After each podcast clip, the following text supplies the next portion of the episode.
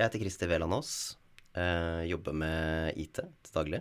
Eh, og er eh, far til eh, to jenter på snart 10 og 14 år. Som eh, engasjert IT-pappa, hva er din erfaring med personvern i skolen? Ja, det er eh, Jeg har jo fått mange år med erfaring nå, føler jeg. Så barna mine, de, de var en del av de tidlige pilotskolene i min kommune. Eh, og vi har vel hatt eh, iPad i skolen de siste fem-seks årene, tenker jeg.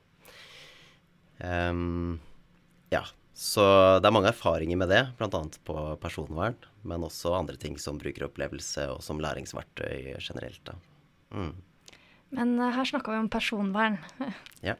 Har du sett noen utfordringer som du kan dele med oss? Ja, jeg har sett mange, mange utfordringer med personvern, ja. Um, jeg kommer på et sånn veldig sånn nærliggende eksempel som, som jeg har tenkt på mange ganger. At også tatt det opp med kommunen mange ganger. Og det går jo på det med, eh, med bruk av passord og innlogging, da, f.eks. Eh, egentlig en sånn helt sånn elementær ting som man tenker at det skal jo fungere, og det er robust, og det, vi har gode systemer for det. Vi har jo Feide, blant annet. Ehm, men så er det jo én ting um, å ha sånne digitale løsninger uh, for den generelle befolkningen. Men jeg har hatt særlig fokus på småskolen, da. Første til fjerde klasse. Hvordan ser dette ut i småskolen? Um, bare, og det jeg kan kommentere på det òg, er jo at veldig ofte så snakker man om skolen generelt. Og når man tenker på skolen, så tenker man gjerne kanskje på gjennomsnittet av en skoleelev, og det, da havner vi et sted på ungdomsskolen, ikke sant, videregående, der mye av forskningen er gjort. Men småskolen blir sjelden måte løfta, da, spesielt. da. Eh, men da på, med bruk av passord eh, på småskolen, så ser man jo at eh, eh, mange elever faktisk har samme passord eh, i praksis. Ikke bare på iPad-koder, men også i Feide, rett og slett. da. Ehm, det er jo et eh, kjempeproblem, tenker jeg. Ehm, og med litt etisk hacking så kan man ganske raskt eh, komme seg inn i Showbie og andre apper som man har dialog mellom elever og lærere ehm, som man ikke burde kunne gjøre, da. Rett og slett ved å, å kunne navnet på elevene og kombinere dette med felles passord. Så da får de utdelt samme passord for hele klassen, kanskje, fra skolen? Mm. Det gjør de. Om det er fra skolen eller kommunen, det kan nok variere litt. Eh, men det, det er nok en sånn praktisk løsning på at barna rett og slett er så små. At ikke de eh, Man, opp, man har opplevd, da. Læreren har opplevd kanskje at barna glemmer passordet, rett og slett. Og at eh, da står eleven uten læringsbrettet sitt en hel dag eller to eller tre, litt avhengig av hvor lang tid det tar å gjenopprette et passord eller resette det. Og da, da er dette en sånn praktisk løsning som ikke bare er i min kommune, men som jeg får rapportert at eh, skjer eh, i veldig mange andre kommuner i, i Norge, da. Mm. Har du noen tanker rundt sporing av ungene i skolehverdagen? Ja, det er vel kanskje det jeg har tenkt mest på sånn i de siste fem-seks årene. Eh, spesielt eh, i den tidlige fasen, og jeg vil si det er like aktuelt i dag, eh, med bruk av tjenester som Google, YouTube. Eh, de åpne, gratis tjenestene, da, kan du si.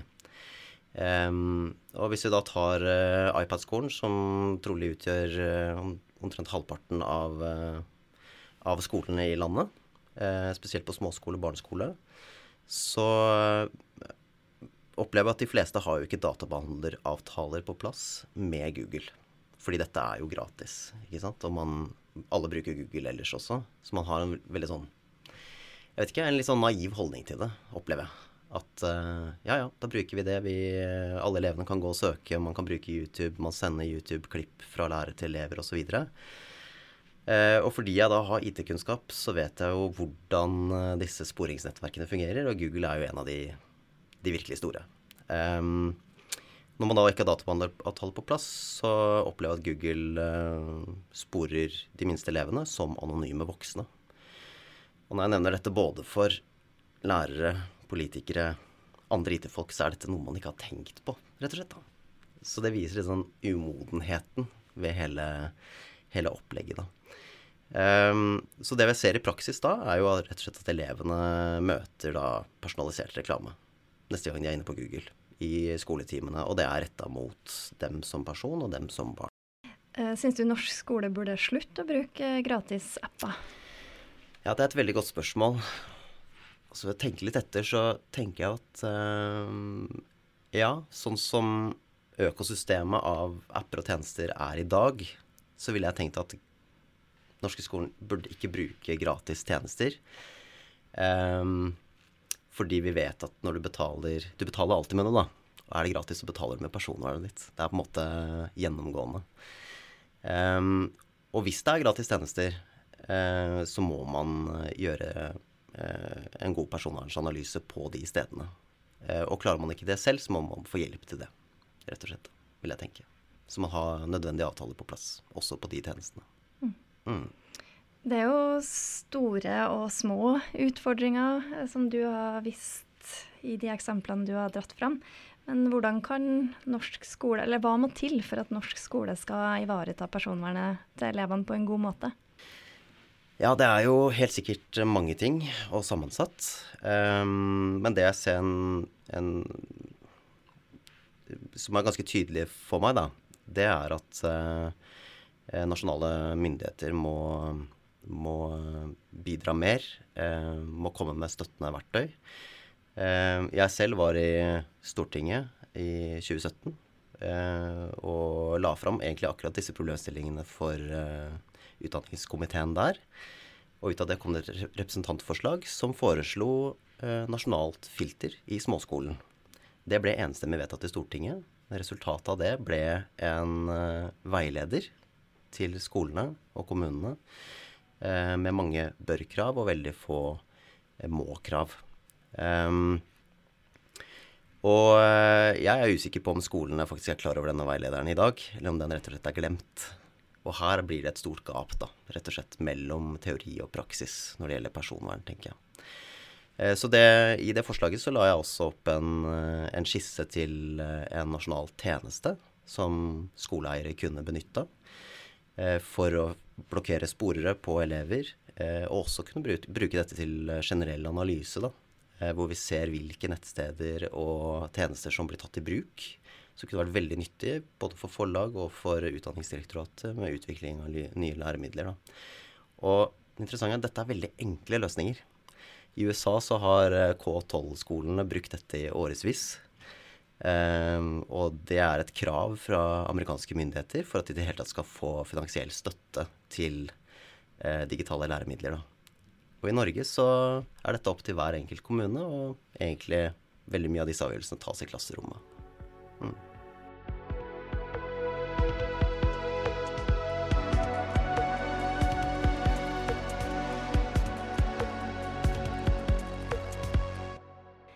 Hvem styrer egentlig den digitale utviklinga i norsk skole? Er det politikere, staten eller kommunen? Eller de store teknologiselskapene? Personvernkommisjonen leverte sin rapport høsten 2022. De anbefalte å få på plass en nasjonal personvernpolitikk på tvers av sektorer. Denne episoden handla om skole.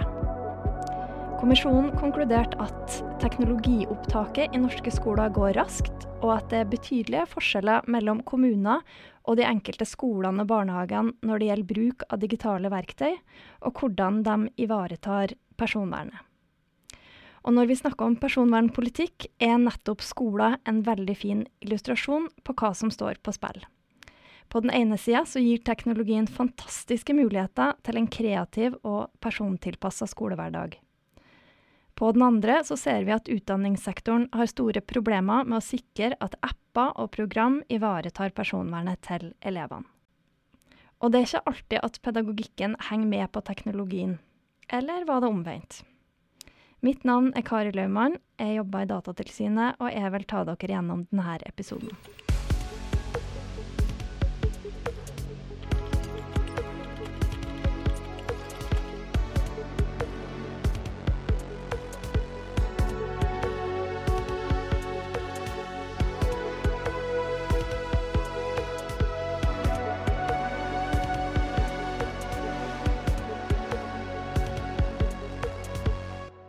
Aftenposten publiserte nylig en kronikk av Anne Liv Kårstad Lie, som er førstelektor i pedagogikk ved Universitetet i Sørøst-Norge.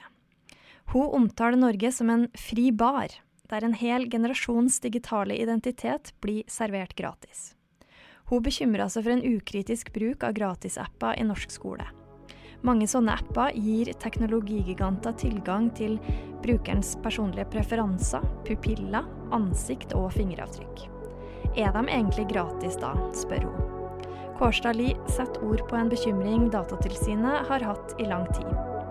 Vi må grave litt mer i hvilke personvernutfordringer den norske skolen står overfor.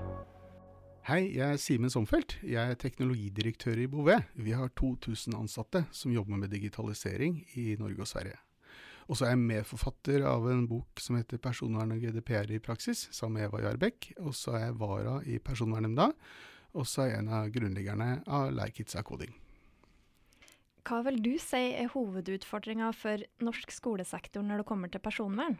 Klarer vi å ivareta ungene sitt personvern? Uh, altså vi, det er veldig bra at du spør om det, for vi gjorde en liten undersøkelse vi, blant uh, uh, sju store og små kommuner, hvor vi spurte skoleeiere, altså kommunen, og rektorer og lærere en del spørsmål rundt situasjoner rundt personvern i skolen. Og, og, det vi fant ut, det var at det er ganske nedslående. Det er ganske deprimerende. For vi har 600 000 ish av våre mest sårbare innbyggere, hvor foreldrene opplever at deres personvern blir utrolig dårlig ivaretatt, fordi ansvaret er veldig pulverisert over alle disse. Og det gjør at uh, man blir litt trist, for det er jo på en måte den oppvoksende slekten som, uh, som vi ikke da klarer å, håndtere ordentlig. Hvilke type problemer var det dere fant i undersøkelsen? Ja, For det første har du det her med undervisningsmateriell, ressurser. Altså det å gjøre en vurdering, det tar jo mye tid. Vi hørte f.eks. at en kommune hadde brukt to millioner kroner på å vurdere elleve apper. Og hvis du, tenker, hvis du ganger da med det med 354, og du tar altså antall fag og klassetrinn, så sier de seg selv at det får man ikke tid til. Og det lærerne gjør da, at de bruker mye gratis ting. Og det de betaler med da, det er jo personopplysningen til elevene. Um, og, og, det gjør uforvarende barna til salgsvarer på disse uregistrerte børsene. Og det er jo uregulert, så de, jo, de kommer jo til å følge dem i livet ut. Og, og da kunne profilere og pinpointe markedsføring. Og selvfølgelig har det også da, hvis de er, har en seksuell legning eller de har en religiøs eller politisk overbevisning, så er det ganske graverende, egentlig. At det, ikke, at det er sånn. Og så, og så, har jo verken Jeg opplever det. Det de fortalte oss, var at de ikke har gode verktøy eller retningslinjer for å håndtere personvernet til elevene. Og det er jo ikke deres oppgave å være personverneksperter, eh, men når de ikke har gode retningslinjer, f.eks. dele klasse, bilder fra klassetur, eller, eh, eller håndtere kommunikasjon med skole og hjem, så gjør de jo det de Ja, da deler de det kanskje på en åpen dropbox eller noe sånt, da. ikke sant? Så det er jo ikke deres feil. Eh, men det kan også være situasjoner hvor f.eks. Eh, flere etater må samarbeide. da. F.eks. hvis det har oppstått en, noe med mobbing, rus, overgrep eller noe sånt på skolen, så må ofte f.eks. barnevernet og PP-tjenesten og politiet kanskje, ikke sant, og skolen inn. Og Da har de egentlig ikke noe sikker plattform. De har en sikker plattform, men den er ikke effektiv. Og da, og da deler de en åpent notat i OneNote. Og det kan man jo tenke hva skjer da, ikke sant. I tillegg så har de ikke noe særlig godt koll på avvikshåndtering. De vet ikke at det fins avvikshåndtering. De, kommunen vet det, men ikke læreren. Og da, så det er veldig stort Vi vet ikke egentlig omfanget av, av personopplysninger som kommer på avveie, og det er jo ganske skremmende, egentlig, at, at, eh, at, det er sånn. Og hva er løsninga? Hvordan kan vi fikse det her? Uh, uh, på denne vi hadde en debatt om det her, en panelsamtale, med, med Datatilsynet, Utdanningsforbundet, KS og et par politikere. og det Faktisk så var det rørende enighet om at det å ha noe slags uh, tjenestekatalog over læringsressurser, uh, med, hvor du også kan ha utkast av avtaler uh, og, og, vurderinger, det ville gjort utrolig mye bra. Og, og det, ja, det er, det er jo skoleeier sitt ansvar, men du trenger bare å se om denne applikasjonen brukes i noen annerledes kontekst enn det mm. som er gitt. så kan du kanskje bruke vurderingen og avtalen, og, du, og det vil være oppdragende på edtech-sektoren. Kan du forklare hva du mener når du sier tjenestekatalog? Sånn F.eks. Uh, hvis du kan se på læringsressurser for naturfag, da, for et klassetrinn. ikke sant? Da kunne det vært applikasjoner som er gode på det, og som ikke reiser elevene for mye, unnskyld, registrerer for mye om elevene, som ikke deler informasjon unødvendig, etc. Slik at læreren kan bruke, få sin pedagogiske frihet økt. ikke sant? Mm. Men at du da du har en mulighet til å lære elevene noe bedre ved hjelp av digitale midler på en riktig måte. Så istedenfor at hver enkelt skole eller kommune skal gjøre de samme vurderingene for hver enkelt program ja, eller ja, app, så ja. gjør man det sentralt. Ja. Og tenk så mye penger vi sparer på det. Og tenk hvor mye bedre vi ivaretar eh, personvernet. Mm. Hva ellers? Jo, det er jo å ha eh, nasjonal Altså jeg tenker det å ha et, et, et, noen enkle veiledninger for lærere og, og, foreldre hvordan de skal forholde seg til disse, til disse kjente situasjonene. Og så kanskje noe verktøy, aller helst noe trygge verktøy, som de kan bruke, slik at de ikke har De har på en måte ikke mulighet til å gjøre feil. Fordi de blir liksom ledet inn i den trygge trakta. Mm. For de skal jo ikke være personverneksperter, men, de, men igjen, hvis de har gode rutiner og verktøy for kjente scenarioer, så tror jeg veldig mye er gjort. Mm.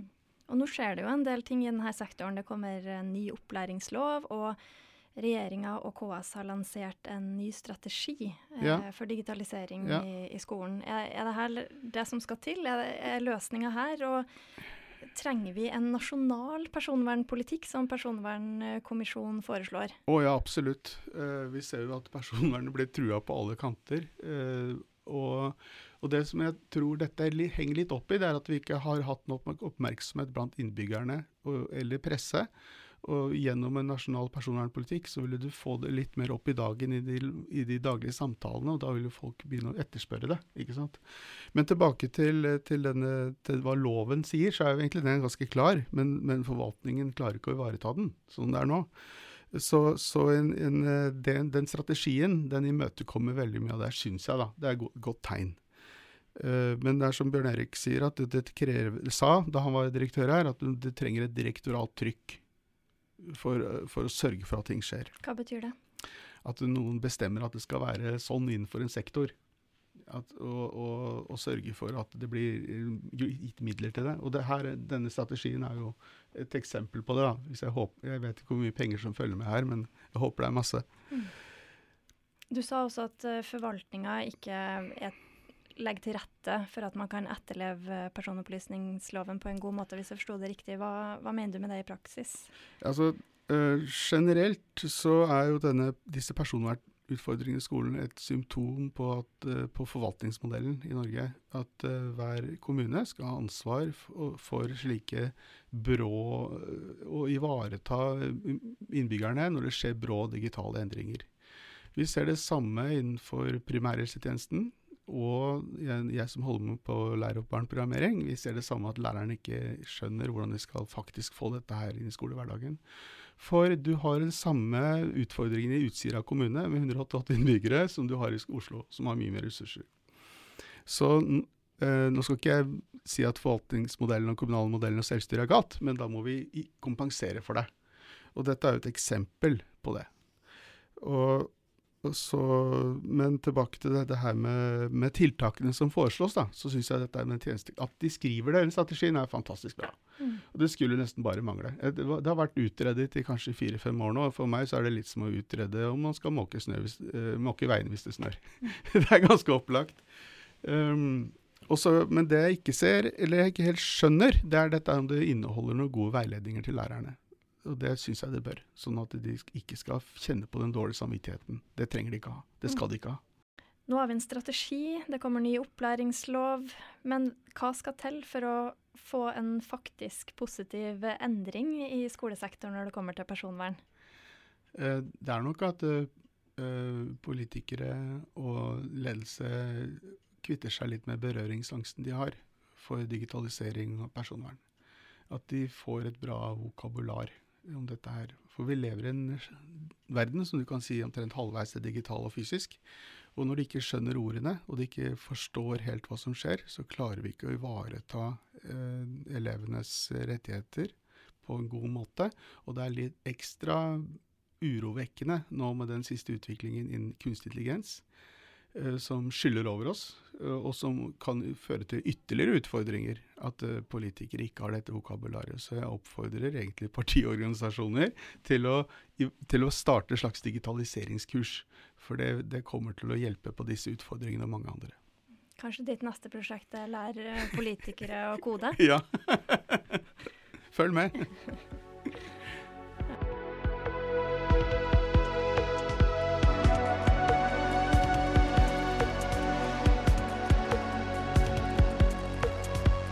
Er jo da Sindre Lyse, og jeg er statssekretær i Kunnskapsdepartementet for eh, kunnskapsministeren, Tonje Brenna. Hvordan syns du det står til med personvern i skolesektoren? Det er jo et veldig godt spørsmål, fordi eh, det er et område hvor vi eh, har en vei å gå. Jeg tror det er mange som syns det er krevende med personvern. Det er ganske mange store spørsmål som er eh, av både teknisk og juridisk art som man skal forholde seg til. Og jeg tror at vi har, eh, har en vei å gå. Eh, og det er jo også litt av grunnen til at vi har uh, jobba nettopp med det temaet, og at kunnskapsministeren bare for noen uker siden la fram en ny strategi eh, sammen med KS eh, om digital kompetanse og infrastruktur i skole og barnehage. Og der er personvern et av de store temaene vi løfter.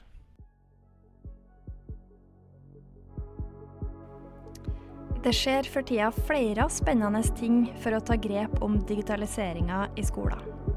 En ekspertgruppe jobber med hvordan læringsanalyse kan gjøre undervisninga bedre.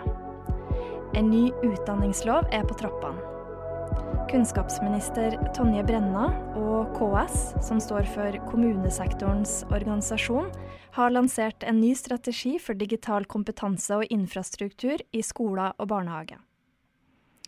Er det det her vi trenger for å få til godt personvern i skolesektoren? Syns du det legger en helhetlig plan bak digitaliseringa i norsk skole? Jeg tenker at vi, eh, der vi står nå, så eh, må vi nok innse at eh, den helhetlige planen i ganske lang tid har mangla litt. Ehm, og når vi nå har lagt fram en ny strategi, så er jo det et av de målene vi har. Nettopp at vi skal få en mer helhet rundt det. Eh, akkurat på dette personvernområdet så har vi jo en eh, personvernkommisjon som har gitt oss en del eh, råd, gitt regjeringen en del råd på hvordan man kan eh, styrke arbeidet med personvern. Og så er det klart at uh, For regjeringen så er vi opptatt av å se uh, hele dette teknologifeltet under ett. Fordi det er så mange nye ting som kommer. Uh, sist nå så har vi liksom blitt introdusert for kunstig intelligens, som man i høst tenkte var langt fram, men som kom plutselig på oss. Uh, og Det gjør at vi er nødt til å ha en uh, helhetlig ramme for teknologi, både i barnehage og skole, og hvor personvern er en viktig del av det. Uh, og Det som er sånn kjernen, er at vi har digitalisert samfunnet veldig veldig raskt. Vi er jo veldig gode på det i Norge. Vi digitaliserer i et raskt tempo, og det har også eh, vært eh, gjeldende i skolen. Men poenget er at uh, vi er nødt til å på en måte være mer bevisst på hvilke mål er det vi har, hvordan er det de ulike verktøyene bidrar til å styrke læring, og hvordan skal vi forholde oss til alle de rammetingene, som f.eks. personvern, på en god måte. For der vet vi at det er krevende uh, ting som lærerne står oppe i klasserommene. Det er krevende utfordringer for kommunene. Uh, og Derfor trenger vi gode verktøy, og strategien er liksom et uh, steg på den veien. Og jeg tror det er et godt steg på veien videre. Mm. Syns du digitaliseringa har skjedd på bekostning av personvernet i skolen? Jeg tror, jeg tror, ikke noen har eh, tenkt at det å få inn digitale verktøy i skolen, eh, det skal vi gjøre vel vitende om at her er det noen negative sider på personvern. Det tror jeg absolutt ikke. Jeg tror rett og slett at eh, i en verden hvor vi har så mye teknologi, uh, digitale læringsressurser, læremidler, ting som kommer uh, også fra utlandet Dette er jo store tech-selskaper som også har meldt seg på og ønsker å tilby sine produkter i skolen. Eh, eh, jeg tror rett og slett at eh, man har nok ikke vært bevisst nok mange steder på hvilke utfordringer som er. Samtidig som vi vet at også ganske mange er flinke og bevisste på det, men kanskje opplever at det å stå opp mot en, et amerikansk uh, selskap er ganske krevende, rett og slett. Uh, og at det derfor rett og slett har, har, har vært vanskelig å liksom kunne forholde seg til det på en god måte. Så, mm. så det er liksom utgangspunktet. Og så er jo spørsmålet hva er veien videre nå? Mm. Fordi at sånn er det med teknologi. Det beveger seg så utrolig fort at man tenker at liksom sånn Ja, det, dette burde vi jo kanskje ha løst for lenge siden, og det, det, kan godt være. Men spørsmålet blir jo hvordan forholder vi oss til det som kommer. Uh, og det er helt åpenbart at vi trenger, en, trenger et krafttak da, eh, også på dette med personvern. Og det opplever vi nok at eh, veldig mange også i skole og barnehage er, er opptatt av og ønsker seg. Mm, definitivt. Og det bildet som kommisjonen tegner, er jo at det, det, brenner litt i skolesektoren, men òg at det skjer mange bra ting der. Det er en ny opplæringslov på vei, og som du nevnte, så er det en, en ny strategi. Um, tror du den nye loven og strategien vil adressere de problemene som, som finnes med bruk av barns personopplysninger i skolen? Jeg mener at uh, summen av uh, begge de to uh, tar oss et skritt videre. jeg tror enhver regjering må erkjenne det, at her klarer man nok ikke å møte alle utfordringene på én gang. men poenget er at vi er nødt til å ta ned noen baller og systematisere det arbeidet, slik at vi kommer videre og får innført noen, noen tiltak. Og jeg tenker at eh, når vi har jobba med den digitale strategien, som vi for øvrig er veldig stolt av å ha lagt fram, eh, så har det vært viktig for oss å følge opp en del av de tingene som Personvernkommisjonen peker på. Eh, og noen av de tiltakene som den har vært opptatt av, er jo nettopp dette med eh, støttetjenester eh, for personvern, men også for andre elementer som er krevende med teknologi, f.eks. universell utforming. Uh, og det er en av de tingene vi foreslår. Nettopp å utrede hvordan en sånn støttetjeneste kan, kan gjennomføres. Uh, og så er det jo lett å tenke at liksom en støttetjeneste ja, kan vi ikke bare få på plass det. Uh, men hele poenget her er jo at dette er en sektor bestående av mange kommuner, mange skoler, mange klasserom, mange personer som skal være med. Og Derfor så er også regjeringen opptatt av å gjøre dette i samarbeid med sektoren, slik at det vi lager også kan, kan være lett tilgjengelig og brukervennlig, da, ikke minst. Som jo er et viktig stikkord når man jobber med teknologi, men også med mange andre ting. Mm. Personvernkommisjonen foreslår òg en nasjonal personvernpolitikk, ikke bare i skolesektoren, men på tvers av alle sektorene, egentlig. Um, hva, hva, tenker du om det? Jeg tenker at uh, Personvernkommisjonen kom med et veldig viktig uh, poeng. Uh, og det er jo helt åpenbart at bevisstheten vi har i det norske folk knytta til våre persondata, den, den kan aldri bli god nok, tror jeg. Uh, vi uh, lar oss jo, holdt jeg på å si, lokke inn i alle disse fancy appene. Det gjør jeg jo selv òg. Åpner telefonen om morgenen, og der er det sosiale medier, og det er mange tjenester jeg bruker som er gratis. Men det jeg må være bevisst på, er jo det at det jeg bytter inn, er jo kunnskap om hvem jeg er som person, hvilket handlemønster jeg har. Eh, eh, og den dataen kan bruke enten til å selge meg produkter, eller den kan brukes på andre måter. Og det å få opp den bevisstheten i samfunnet rundt det, det er utrolig viktig. Og det er jo det som på en måte er essensen med å få på plass en nasjonal personvernpolitikk. Og vi har jo en kommunalminister som er veldig aktiv på dette området, og som jobber godt med å samordne regjeringas eh, politikk på dette feltet. Men så er det også viktig at vi eh, innenfor hver sektor klarer å gjøre dette på vår måte. Det er noen særegenheter ved hver eneste sektor.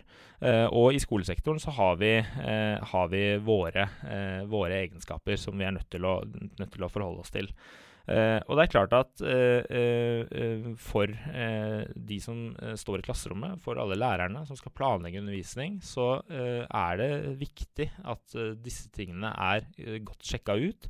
Eh, eh, bare en så enkel ting som at hvis man bruker sin egen eh, Google e-post, så er jo det noe man logger seg inn på, og Google vil kunne tracke data også fra en skolesetting, f.eks.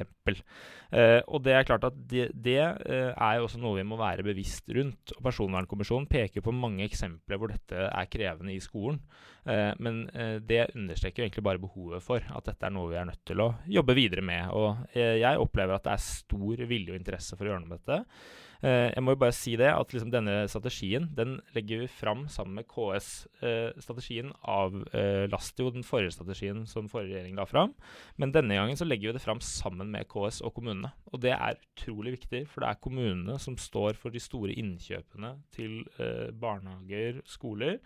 Uh, og, og, det å ha en felles ramme, det å ha en felles arbeid eh, sammen med kommunene, er utrolig viktig hvis vi skal klare å lykkes eh, nettopp med disse tingene. Mm.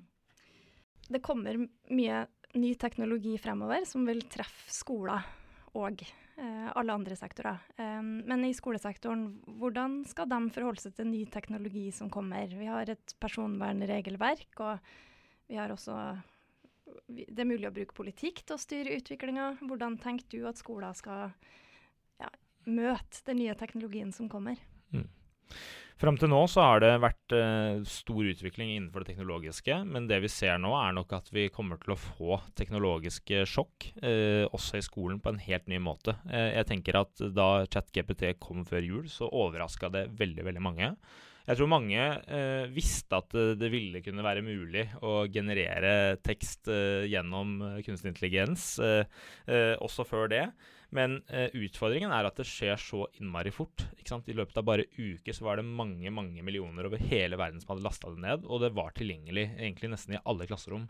Eh, så framover så vil vi eh, ha det travelt med å håndtere ny teknologi. Eh, og der er også personvernelementer og mange andre ting en viktig del av det som vi må håndtere raskt. Og Derfor så er jo et av de viktige tingene som vi også foreslår i denne strategien, er jo nettopp det å se på kan vi lage noen mekanismer som håndterer og vurderer ny teknologi når det kommer. Uh, vi vet jo fra en del andre sektorer at man har den type mekanismer på plass. Vi har jo et bioteknologiråd innenfor bioteknologi. Vi har egne utvalg som ser nærmere på medisiner som skal innføres og gis i norske sykehus. det er ikke sikkert at vi skal gjøre det sånn, og vi må finne vår måte innenfor skole og barnehage, men vi er nødt til å tenke mye mer i den retningen for at vi skal kunne ivareta kvalitet i skolen. Det kommer til å utfordre oss, for vi er vant til å kunne ha litt tid på å vurdere og utrede osv. Men, eh, men vi er nødt til å rigge dette systemet på en bedre måte framover. Det, det, det er framtida helt, helt klart der vi står nå.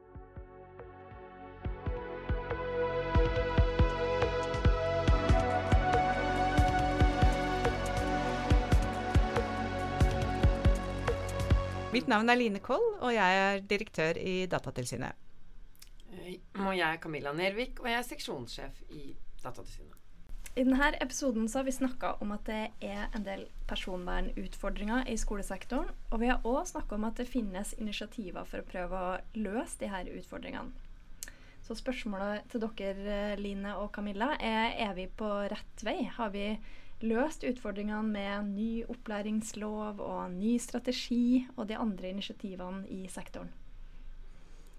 Vi er veldig positive til det som skjer nå. Det at det er så mange initiativer og eh, konkrete prosjekter som eh, starter, og som har blitt lansert, er veldig, veldig bra. Det gir jo kommunene mye støtte, sånn som vi ser det. Men vi etterlyser også det litt mer overordnede. Det at noen faktisk stiller de mer prinsipielle spørsmålene, for det første. F.eks. både om og hvordan vi skal ta i bruk digitale hjelpemidler i skolen. Men for det andre også det at noen tar det totale ansvaret. At noen ser totaliteten av alle de initiativene som skjer nå den totaliteten, det å ha det liksom mer overordnede blikket på alle de initiativene uh, i forhold til det personvernrettslige nå, det ser ikke vi helt ut ifra de initiativene som vi har fått sett på nå, da. Så det er jo noe vi håper at kommer i den nye loven. Men hvis ikke det gjør det, så må det løftes og tas videre. Det er et behov for at noen har en kontroll og oversikt og ansvar for alle initiativene som er innenfor skole og utdanning. Og jeg er veldig enig i det. Og jeg tenker også at alt det som har kommet, er noe som er veldig konkret. Noen konkrete verktøy. Øh, noen hjelp til å gjøre det på F.eks. Som Skolesekk har lagd.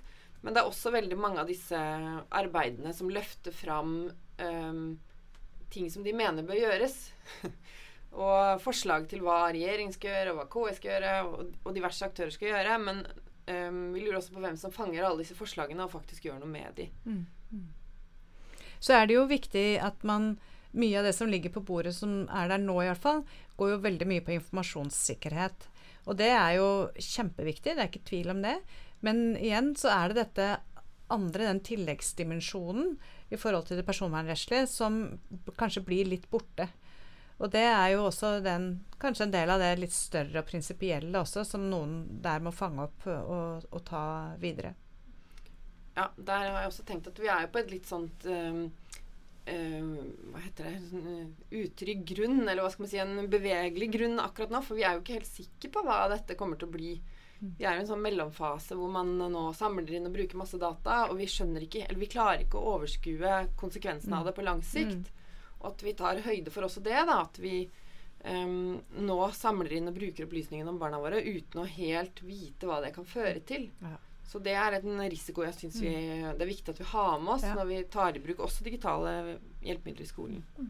Og det, jo, det spørsmålet er kjempeviktig, og det er jo en del av det om og hvordan da, som jeg snakker om, som noen må faktisk ta ansvar for. Og det går så fort også. Det syns jo jeg er et annet element av det. At her liksom, blir man nesten litt sånn bondefanget av at teknologien kommer, og det er så mange løsninger. Det er så mye som er kjempepositivt uh, ved disse applikasjonene og hjelpemidlene.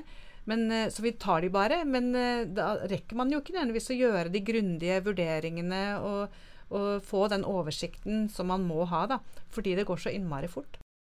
I forhold til det store bildet, og det at noen må ta det overordnede ansvaret nå, så er det jo fristende å sammenligne med det vi har sett innenfor eh, miljø og miljøvern. Eh, bare for noen få år siden så var jo miljøressurser og forurensning og dette litt sånn helt av radaren, og det var helt fritt frem. Et eksempel med litt historisk eh, vri, da, det er jo dette med allmenningens tragedie. Eh, både, det så man både i forhold til Det er jo et begrep innenfor økonomi, men man så det i Norge f.eks. innenfor sildefiske. At det var helt fritt frem i begynnelsen. Så så man at man begynte å beskatte for mye, og da måtte man gå inn og regulere det. Det samme med, så var det med sauebeite på Jæren, visstnok. At først så var det helt frislepp. Alle kunne slippe alle sauene ut. Og så så man at oi, gresset begynte å bli borte. Det ble overspist, og så måtte man gå inn og regulere det også. Og i det bildet så er jo da gresset og silda her er jo dataene. Det er dataene om barna våre. Og nå sier vi at det er helt frislipp, men om noen ganske få år så tenker jeg at man ser tilbake og tenker Guri land, hva var det vi gjorde? Hva tenkte vi på? Hvor er det det brenner mest for personvernet i skolen akkurat nå, og hvor er det vi bør sette inn støtet? Ja, der har jo Personvernkommisjonen pekt på en god del eh, tiltak som de har fremhevet eh, tydelig i sin rapport. Og av de så tenker jo vi, og har egentlig også snakket om det i mange år, det også, dette med de store kommersielle amerikanske, da, til en, for veldig mange uh, applikasjoners del, uh, leverandørene som brukes i skolen helt ukritisk. Og det er jo en ting som vi mener at er veldig konkret og hadde vært enkelt og relativt overkommelig å ta grep om. Um, og i forlengelsen av det, dette med reklame, altså at våre skolebarn i sin skolehverdag gjennom applikasjoner faktisk får reklame for kommersielle produkter inn på skolens uh, utstyr og, og, det de bruker for å gjøre lekser, og i hele sin skolehverdag. Og det er to veldig konkrete ting som vi mener at uh, myndighetene burde ta tak i umiddelbart. Ja, og jeg tenker også at uh et viktig moment er kompetanse, og at det er ganske vanskelig, vanskelig problematikk da, å håndtere disse store aktørene. Og man kan kanskje ikke forvente at hver eneste kommune skal være eksperter på hva Google er i stand til å gjøre med, mm. med dataene våre. Så nettopp det å heve kompetansen og eh, da med, ved hjelp av kanskje statlige prosjekt, eller statlig initiativ, da, at ikke hver enkelt kommune må mm. sitte med ansvar alene. Mm. Uh, og det er mange ting som er på gang, som har snakka litt om før i dag også. Men uh, det å samle all den uh, kompetansefremmende ja, det kompetansefremmende materialet som nå foreligger, ett sted, tror jeg i hvert fall jeg hadde vært en sånn. Ja, tenker du da også på forvaltningen og etterlevelsen? Altså at man skal ha et ressurssenter som kan rådgi kommunene? Eller hva, hvordan, hva tenker du rundt det? Ja, Det har jo Personvernkommisjonen anbefalt, klart Ja. og tydelig, og det støtter vi jo veldig, for Ja. det, det mangler vi. Ja. Eh, og det er jo litt sånn um, som er konsekvensen av at det er et kommunalt ansvar. Da, at man Mm. har kommunalt selvstyre, og at ikke man kan eh, pålegge kommunene å gjøre ting på en bestemt måte. Mm. Men eh, vi har jo en klar oppfatning at de ønsker seg hjelp til å Mm. gjøre det på bestemte Mm. måter. Mm. Ingen som har lyst til å sitte og gjøre dette alene. Så det å samle kompetansen og samle hjelpen til kommunene et sted, tror jeg er veldig Det, det tror jeg veldig på. Fordi det å, at alle kommuner skal sitte og ha kompetansen på dette selv, det er helt utopisk. Og sånn, sånn får man ikke nødvendigvis noe god etterlevelse heller. Så det å samle ressursene som kan det, og kan, hvor kommunene selv kan på en måte hente inn råd og få eh, liksom, beslutninger på at det og det systemet kan brukes, eller den og den applikasjonen kan brukes hvis dere gjør sånn og sånn, det tror jeg hadde vært veldig bra. Og det tar ikke fra kommunene noe selvstyre heller. De kan jo velge å ikke bruke det, da, men da må de gjøre hele vurderingen selv. Så det ligger jo i ansvarlighetsprinsippet i personvernregelverket nå. At det vil være i så fall deres ansvar å gå for en annen løsning. Men det ville jo vært en kjemperessurs og en eh, besparelse for alle kommuner om man kunne samlet og fått til noe sånt nå. Vi har jo snakka litt om det store bildet og prinsipielle spørsmål. Tror dere en nasjonal personvernpolitikk kunne ha hjelpa skolesektoren med bedre personvern? Ja, jeg svarer Mitt i hvert fall. Det er jeg helt overbevist om. At det å, som både kommunepolitiker og i forvaltningen generelt, det å kunne lene seg på en offentlig samtale og en mer formell politikk på dette området, tror jeg hadde vært veldig, veldig eh, stor hjelp for alle oss som jobber med det, og er jo noe som vi støtter veldig opp om at fra Personvernkommisjonens side også, at de har nevnt det som et av de mer overordnede tingene som trengs. Da. Og i forlengelsen av det så er det utrolig viktig at vi er klar over at igjen, også, i, også i skolen, sånn som det har skjedd i samfunnet for øvrig, så er jo ikke personvern nå noe bare han IT-fyren på skolen skal sitte og håndtere. Det er nå en helt essensiell del av skolehverdagen fra rektor helt ut til klasserommet. Så det at man har kompetanse og kunnskap om informasjonssikkerhet, data og personvern i skolen på alle lag, også barna våre, det er kjempeviktig. Så vi tenker jo også at det med opplæring, opplæring av barna våre, det må vi ha opp også i det hele bildet for å få dette til å bli forsvarlig fremover. Altså Barna våre er jo kanskje de første fulldigitale borgerne, de som er på skolen nå. Og de kommer til å skal ut i samfunnet og skal forvalte demokratiet vårt videre fremover. Så de trenger digital kompetanse og digital dømmekraft. Og det må de få fra skolen også. Det er ikke noe de får hjemmefra alene. Så skolen må inn her og være med og skape de Um, Hva skal man kalle det? Altså gi, gi, gi barna våre da, den digitale dømmekraften som de trenger for å gå videre i livet.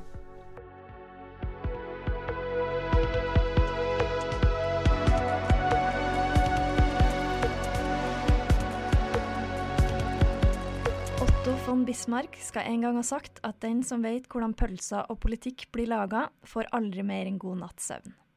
Men vi tar likevel sjansen på å finne ut hva en personvernpolitikk faktisk er, og hvordan vi kommer dit. I denne episoden så har vi hørt at det brenner i skolesektoren når det kommer til personvern, men at det er mange gode initiativ for å ta grep. Vi i Datatilsynet mener at det er behov for å se det store bildet.